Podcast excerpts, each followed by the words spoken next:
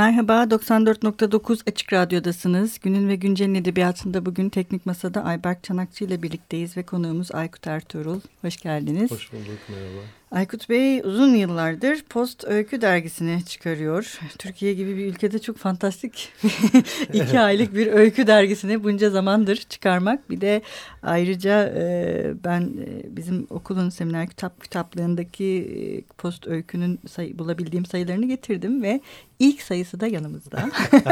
evet o ilk sayı epey bir e, zamandır baskısı yok bulunmuyor. Herhalde yeni bir baskı yapsak e, onu hemen tüketecek kadar talep var. bir bin kişiye kadar neredeyse bin tane talep geldi bana kabaca hani söylüyorum. Ne güzel. Bu arada Kasım Aralık'tı ilk çıkışı. Hı hı. Çıkacak sayıyla birlikte 5. sayı 5. yılı da bitirmiş olacağız. Çok Onu iyi. da belirtmiş olalım. Çok iyi. Böylece aslında tam da yani yıl dönümünde yıl dönümü biz neredeyse, program evet. yapıyoruz. O oldukça şey olmuş, anlamlı olmuş o zaman evet, bu e, davet. Ee, siz e, yani bu dergiyi nasıl e, ayrıca derginin tasarımı da çok güzel bu arada. Biz kendi şey programımızın kendi Twitter hesabında da bu kapakları paylaşacağız hı hı. zaten. Yani bu e, tasarım yani bu bir öykü dergisi çıkarma fikri nasıl ortaya çıktı? Buradaki bölümleri nasıl kurguladınız? Oradan başlayarak yavaş tamam. yavaş şey yaparsak. İnşallah e, hikayeciyiz. Gevezeliğimiz tutmaz. bitirebilirim e, vaktinde. Şöyle. Çünkü bir hikayesi var. Biz daha önce e, 2009 yılında bir Yumuşak G diye bir dergi çıkarmıştık arkadaşlarımızla. Bir edebiyat dergisiydi o. Şiir, öykü, deneme, eleştiri olan içinde. Ee, bunu şu yüzden, hikayeyi şu yüzden buradan başlatıyorum. O dergide biz şey demiştik. Yani biz e, kendi aramızda bir şeyler yapacağız ve temel amacımız e, edebiyat içinde kalmak. E, bizim gibi olan insanları tanımak idi. Hiçbir şey yapmadıysa bile Yumuşak G şu işe yaradı. Ben post öyküyü e, tamamen daha önce tanımadığım fakat e, Yumuşak G'ye gelen mailler vasıtasıyla tanıdığım, tanıştığımız arkadaşlarımızla çıkardık. İşte e, Arda Arel, Ertuğrul Emin Akgün, Burcu Bayer e, e, ile çıkardık. Ve bunların hepsiyle biz e, Yumuşak G sayesinde tanışmıştık. E şöyle oldu yani biz bir dergi e, kapatmış idik birkaç yıl olmuştu. E, ve o sırada kendi kendimize hep şey diyorduk biraz da belki de teselli olsun diye. Oh iyi ki kapattık bu dergicilik çok zor iş. ee, nereden bulaştık biz bu işe zaten? Öykümüzü yazalım. Dergiler yayınlıyor öykümüzü zaten. Ne gerek var diyorduk ve ben şey diyordum özellikle yani e, arkadaşlar deli miyiz biz yani? E, dergi çıkaracaksın. Biri dergine laf atacak. Gücüne gidecek. Başka birisi bir yazı yazacak. Onu savunacaksın filan. Böyle bir cephe açmaya, savaşa girmeye ne gerek var diyorken aslında sürekli bir şeyin üstünü örtmek için söylüyormuşuz bunu. Ee, bir gün Arda ve Ertuğrul e, otururken şu var tabii bunu da hep söylüyorum. E, dergi çıkarmadığımız her an bu virüs virüs diyoruz ya buna. Evet öyle diyorlar e, dergi çıkarmadığımız her an aslında işte sohbet ediyoruz diyelim. Güzel bir sohbet çıktı. Bir şeyi keşfettik. Böyle keşif anlar olur ya küçük hı hı. sohbetlerde. Ya dergimiz olsa bunu yazardık aslında buradan dosya çıkarırdık falan diye hep de konuşuyoruz bir yandan. Bir gün artık e, biz de bir dergi çıkaralım, bir öykü dergisi çıkaralım. E, yumuşak yedek tecrübemiz şuydu. Hepimiz öykücüydük. Fakat bir edebiyat dergisi çıkarmak, çıkarıyorduk. E, evet öyküyle ilgili bir şeyler söylüyorduk filan ama şiir olunca bir de şairler, hmm. cervezeli insanlar malum. Oradaki kavgalarda biraz yoruluyorduk. E, dolayısıyla dedik ki yani sadece kendi bildiğimiz işi yapalım. Bir tür dergisi. Çünkü Türkiye'de çok güzel örnekleri var. Evet, hani çok, seçilmiş hikayelerle başlayan adam çok, öyküyle, imge çok. öyküyle, e, Ece, Ece öyküyle, öyküyle devam eden çok güzel örnekleri var. E, Türkiye'de tür, tür öykücü, tür dergiciliği sevildi de diyebiliriz aslında. Doğru, evet. E, böylece işte biz de bir öykü dergi, önce bir dergi çıkaralım sonra da bu dergi öykü dergisi olsun diye karar vermiş olduk. Karar verdikten bir 5-6 ay sonra dergi çıktı. Çünkü içeriye cidden çok çalıştık. Ee, yani tam da işte neleri belir nasıl belirlediniz dediniz ya oraya gelmiş olayım. yani nasıl bir de, çok klişedir ama nasıl bir dergi okumak istiyoruz? Hı hı. Ee, bir e, postmodernizm meselesi hele o dönemde hala öyle de 5 yıl önce çok konuşuluyordu. Üzerinde herkes bir şey söylüyordu fakat doğru dürüst tanımlara ulaşamıyorduk postmodernizmle ilgili. Daha hı hı. temel metinler çevrilmemişti. Herkes bir herkesin kendine has bir postmodernizmi vardı filan. Dedik Doğru. ki bununla ilgili yani postmodernizmle ilgili her sayı mutlaka bir yazımız, bir çevirimiz, bir soruşturmamız bir şey olsun. Bu meseleyi kurcalayalım. Postun bir tarafı malum e, anlaşıldığı üzere bu. Bir de ama yine en azından bizim çevremizde çok konuşulan bir şey daha vardı. Yani peki biz öykücüyüz. E, sürekli bir doğunun hikaye geleneğinden bahsediliyor. E, bir efsane olarak hikayecilik bizde çok evet. zengindir. İşte menakıplar var, efsaneler var, mitler var. İşte bin bir gece var falan falan. Peki bu bizim bugün yaşayan öykücüler için ne ifade ediyor bu miras? Hı hı. E, bu mirasla biz ne yapabiliriz? Bu konu da çok sürekli konuştuğumuz bir şeydi. Postun diğer anlamı da aslında bildiğimiz yere serilen post anlamında bir de bu tarafı var. Yani bu iki konu hakkında postmodernizm ve gelenek bizim en temel e, araştırma evet. konularımızdı. Beş yıldır da aslında hep başka gündemlerde devam ederken alttan alta böyle bir dip nehir gibi bu konu hep kurcalamaya, bu konu hakkında e, üretmeye, üretmeye, e, çalışmaya, çabalamaya devam ediyoruz. E, ilk sayı aslında bir yeni bir şey bizi heyecanlandırmıştı o dönem. E, beş sayı normal bir dosya e, fikrinden çıkıp şöyle bir şey yaptık. Amaka Hayal'in en azından o dönem e, evet. çok önemli olduğu, bizim için çok önemli bu dediğimiz anlamda önemli bir metin olduğunu hı hı. düşünüyorduk. Ve bunun e, sebebini, bunun niçin önemli olduğunu e, anlatmamız ve kendimiz de anlamamız lazım geldiğinden dedik ki neler yapabiliriz Amak Hayal'le ilgili epey bir şey çıktı ortaya. E, bir özel sayıyla çıkmak da mantıklı evet. olmadığından bütün bir dosyayı neredeyse altı sayıya yaydık. Yani her sayı bizim bir Amak Hayal köşemiz vardı. Neredeyse evet. hep devreden bir dosya Hı-hı. halini aldı. E, biraz Amak Hayal köşesi de öyle oldu. Ve bizim Yumuşak G'den de e, alışık olduğumuz, sevdiğimiz, aslında hiç umulmayacak şekilde okurun ve genç yazarların da çok sevdiği bu atölye, e, fiziki evet. bir atölye değil ama bir Hı-hı. duyuru yapıyoruz. Bize şöyle öyküler yazın evet, diyoruz ve önemli. çok acayip katılım oldu evet. ve şunu rahatlıkla söyleyebilirim e, bu geçtiğimiz beş yıl boyunca bir sürü genç iyi öykücüyle tanıştık bu atölyeler sayesinde. Evet ben de tam onu soracaktım size. Evet bu atölyenin gerçekten beklediğiniz karşılığını gördünüz mü ee, ki? Evet görüldü. Gördük görmeye devam ediyoruz. Şöyle bir tarafı da var. Hani bunu da e, daha önce söyledik. Belki bazen yanlış anlaşılabiliyor ama atölyede şöyle bir bir dergici olarak bizi de rahatlatan şöyle bir tarafı vardı. Şimdi ilk sayısını, ilk birkaç sayısını çıkaran dergilere öykü yağar. Hem hmm. genç öykücülerden hem e, hali hazırda yazmak. Hali hazırda yazan diğer öykücülerden biz dedik ki ya biz e, post öykü için yaz, biraz kibirli bile görünme riskini de göze alarak biz post öykü için yazılmış öyküler istiyoruz. Biz kimseden öykü istemiyoruz. Bizim bir atölyemiz var. Buyurun şey bize çok yardımcı oldu sağ olsun. E, biz uzun süren bir dostluğumuz var Cemal abiyle Cemal Şakar'la öykücü. Ee, şey diyordum hatta e, ne niye ya filan diyenlere e, Cemal abi bize bile bize şey yazdı yani atölyemize öykü yazdı. Ne güzel. Ee, siz de dolayısıyla bize destek vermek istiyorsanız atölyemize katılın. Hı hı. Çünkü biz temelde bir de e, sınırların her bir atölye sonuçta bir sınır çiziyorsunuz öykücünün hayal gücüne. Doğru. Diyorsunuz ki şununla ilgili bir şey yaz. Doğru e, biz bu sınırların yaratıcılığı tetiklediğini düşünüyoruz temelde. Evet. Yani e, hakim bir ezber vardır ya hani sınır e, daraltır. Muhayyileyi daraltır Hı. diye bir ezber var. Tam tersine işte sınırların e, yaratıcılığı e, ateşlediğini düşünüyoruz. Biraz işte tekniği güçlendirir. Teknik kesinlikle tekniği, tekniği güçlendirir. bir şey. E, onu da biraz da bu Ulipo okumalarımız hmm. filan işte o Perekler, Calvinolar hmm, filan e, bu okumalarımız da bunu çok destekledi. E, ve asıl atölyeye böyle girdik ve e, çok iyi öykücülerle tanıştık. Yani bugün mesela e, işte 6. yıl sayımız Kasım Aralık'ta çıkacak sayımızda şöyle bir baktım ben de gelmeden e, dosyaya henüz e, çalışıyoruz üzerinde. bu atölye vesilesiyle çalıştığımız e, bir sürü öykücü var. Yani bugün öykü yayınladığımız öykücülerin yarısı neredeyse bu atölyeden gelmiş bir şekilde çok tanışmışız. Önemli, çok önemli. Dolayısıyla kendi geleneğini de yaratan bir dergiye dönüşüyor. İnşallah amacımız o. Kendi evet. geleneğini, kendi yazar kadrosunu. E, bazen eleştiriliyoruz tabii. Hmm. E, benim de bir konuşasım varmış sürekli Tabii tabii buyurun ama, lütfen. Tabii tabii lütfen. E, bazen eleştiriliyoruz. Hep aynı isimler var dergide. Hmm. İşte aslında öyle değil tabii de.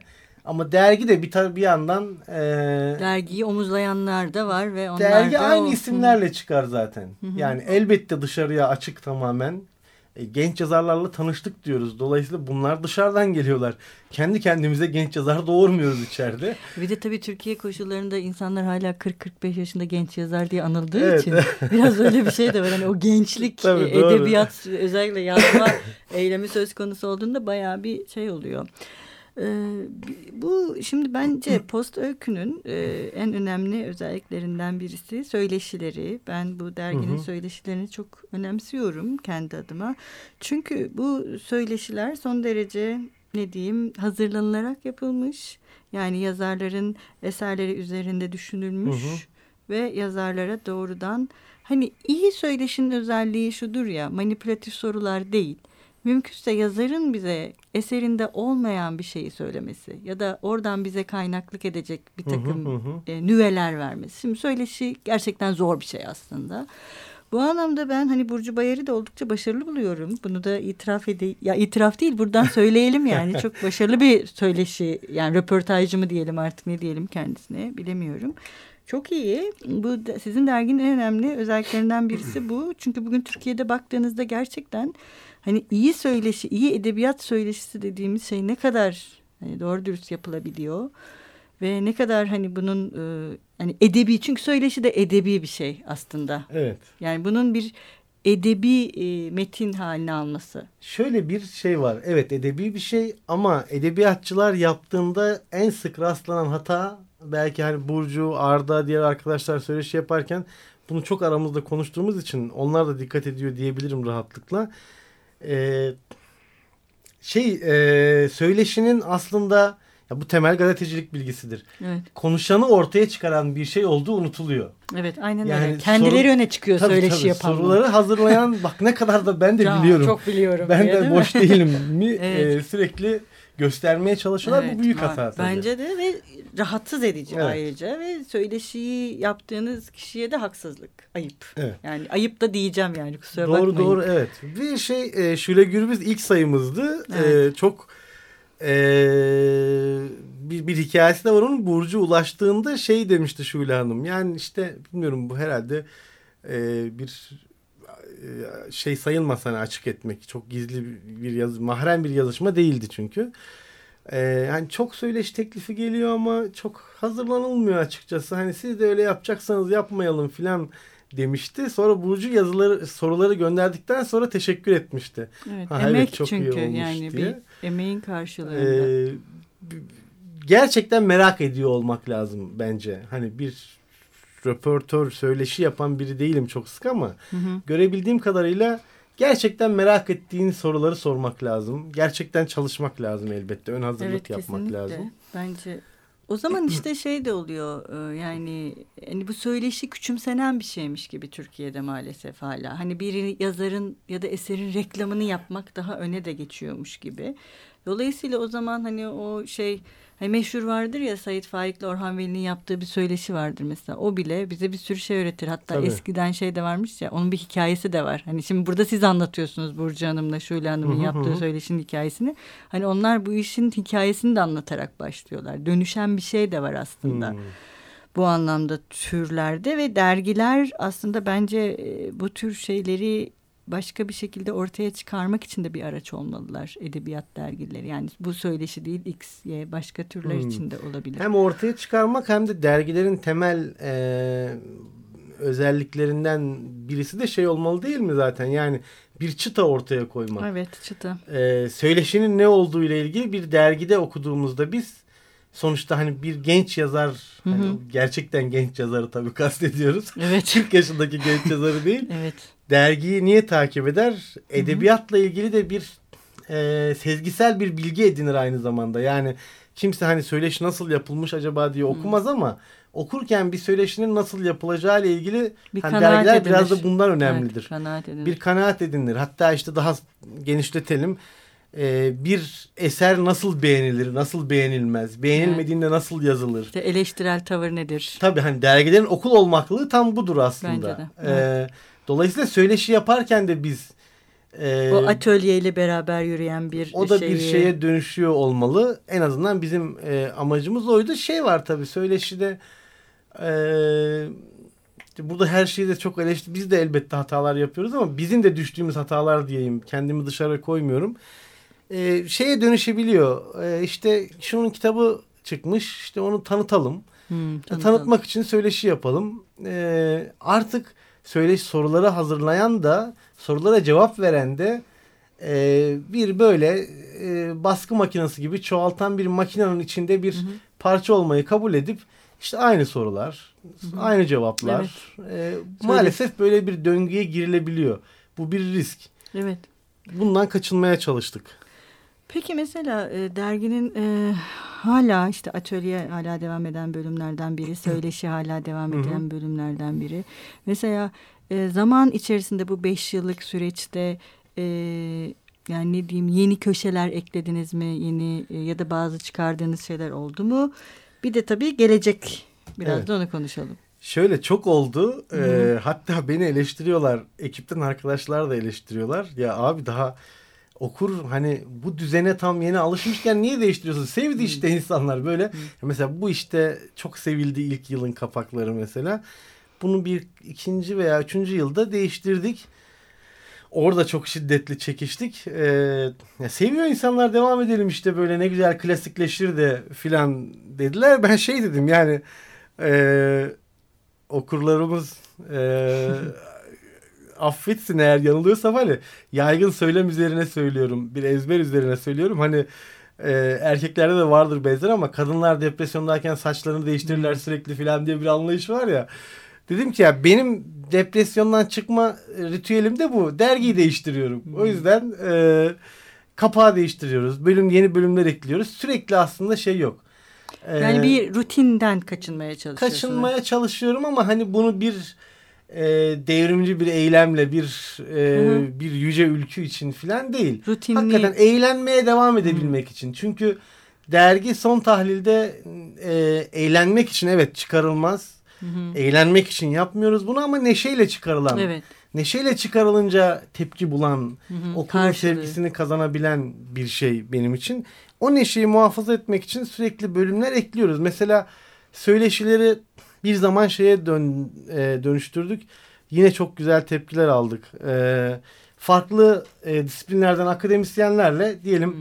Abdülhamit Kırmızı ile tarihçi e, biraz da aslında muhabbet edebileceğimizi de bildiğimiz Hı-hı. farklı disiplinlerden akademisyenlerle e, Prost konuştuk. Kayıp. Zamanın izinde kitabını konuştuk. Evet. E, onun da tam böyle hafıza, zaman, tarihi bir yeniden yazım olarak gördüğünü filan biliyoruz. Hı-hı. Çalışmalarını biliyoruz. Müthiş bir sohbet çıktı ortaya. İşte diyelim Ekrem Demirli ile e, Mantukut Tayr üzerine oturup konuştuk. Yani onları e, edebiyat konuşmaya davet ettik. Edebi eserler üzerine e, o bütün o arka plan o birikimlerini biraz da buraya yoğunlaşmak üzere davet ettik. Sağ olsunlar kabul ettiler. Çok güzel söyleşiler çıktı ortaya. E, değişen atölyelerin içeriği değişti. Farklı e, 50 karakterle başladık. Canetti'nin 50 hmm. karakterine devamlar yazıldı. Sonra bir yerden sonra şeye e, acayip bir mahlukat ta dönüştü. Evet, onu dönüştü. söyleyecektim ben de. Sonra Acayip o kitaplaştı biliyorsunuz. Hı, evet. Ee, şimdilerde şey mesela e, iki, üç sayı, dört sayıdır pardon devam eden atölyemiz şey bir sayı aslında hepsi gelecek zamanla ilgili benim zihnimde. Bir sayı post apokaliptik. Hı-hı. İşte bu kıyamet sonrası, kıyamet öyküleri diyebileceğimiz öyküler yazmasını istiyoruz. Okurlar, yazarlardan da kendimiz de yazmaya çalışıyoruz. Ee, son sayı e, post fütüristik dedik aslında hmm. biraz kavramı da kendimiz e, ortaya İcat, atmış postla. olduk, icat etmiş olduk ama ha, tam bildiğimiz anlamda fütürist öykü istemiyoruz da biraz böyle bu Black Mirror'da anlatılan hmm. hani bu e, makinalaşma, bu teknoloji bizi 50 yıl sonra bizi kendimizi nerede, nerede bulacağız? Sorusunun cevabı ya biraz Black Mirror evet. bölümleri. Maalesef. Biz de bu soruya cevaplar düşünelim hadi diye çağırdık öykücüleri. Ee, oradan da çok güzel öyküler geliyor. Böyle anlatmakla bitmez. Epey değişiklik yapıyoruz sürekli. Ee, peki bir şey e, artık yavaş yavaş hı hı. programın sonuna da e, geliyoruz. Ee, mesela uzun vadede yani e, post öykü ya da etrafında yani hı hı. bir planlarınız var mı? Yapmayı düşündüğünüz şeyler? Gelecek tahayyülünüz? ya e, ya ce, böyle sorulara karşı cebimizde cevaplar elbette vardır. Şu an bir ceplerimi karıştırdım. ee, ama açık konuşmak gerekirse e, buna devam edebilmek, neşemizi koruyarak devam edebilmek. E şöyle her dergide olduğu gibi burada yetişen öykücülerin öykülerini kitaplaştırmak. E, evet onu ben de kitap. Evet bu meseleler üzerinde konuşup e, az önce bahsettiğim meseleler üzerinde bir yandan konuşmaya devam edip bir yandan edebiyat gündemini e, takip edip takip edip yeni meseleleri kaçırmamak, e, evet. e, kaçırmamaya devam edebilmek benim için yeterli. Yoksa hani bir de aynı kaliteyi korumak da önemli bir şey yani o zaman evet. içerisinde. Hani bir taraftan piyasanın biraz önce bahsettiğiniz çukuruna düşmemek de gerekiyor galiba. Heh, tam öyle yani o e, çukuruna düşmemek ve aynı zamanda şey bile bir yerden sonra bir çukura dönüşebiliyor. Yani kendimize böyle çok e, edebiyat bu anlamda insanları çabuk hasta edebilen de bir şey. Kendimize böyle çok uçuk e, idealist tırnak içinde idealist e, ülküler hı hı. E, atfetmeye e, o kılıf onları giymeye çalışırsak boldurabilir üzerimizde ve e, sakil görünebilir. Yani işte e, örnek cümle de kuramadım ama hani edebiyatla dolu nesiller yetiştirmek falan ya öyle gibi. Bir, hani bir şeyimiz yok ama, diyorsunuz klişelerden. öyle bir şeyimiz yok evet. E, edebiyat içinde kalabilmek kendi en azından ekipçe ve bizi takip eden okurlarca. Evet, kendini tekrar etmeden evet, ama aynı şeyleri devam ettirerek. E, yeterince evet. kabul edilebilir bir e, amaç diyelim. Doğru çok haklısınız. Evet çok teşekkür ederiz Aykut ben Bey. Ederim. Sağ olun. Sağ olun. Ee, bugün e, 94.9 Açık Radyo'da Günün ve Güncel Edebiyatı'nda konumuz, konuğumuz Aykut Ertuğrul'du ve kendisiyle Post Öykü dergisini konuştuk. Hoşçakalın. Görüşmek üzere.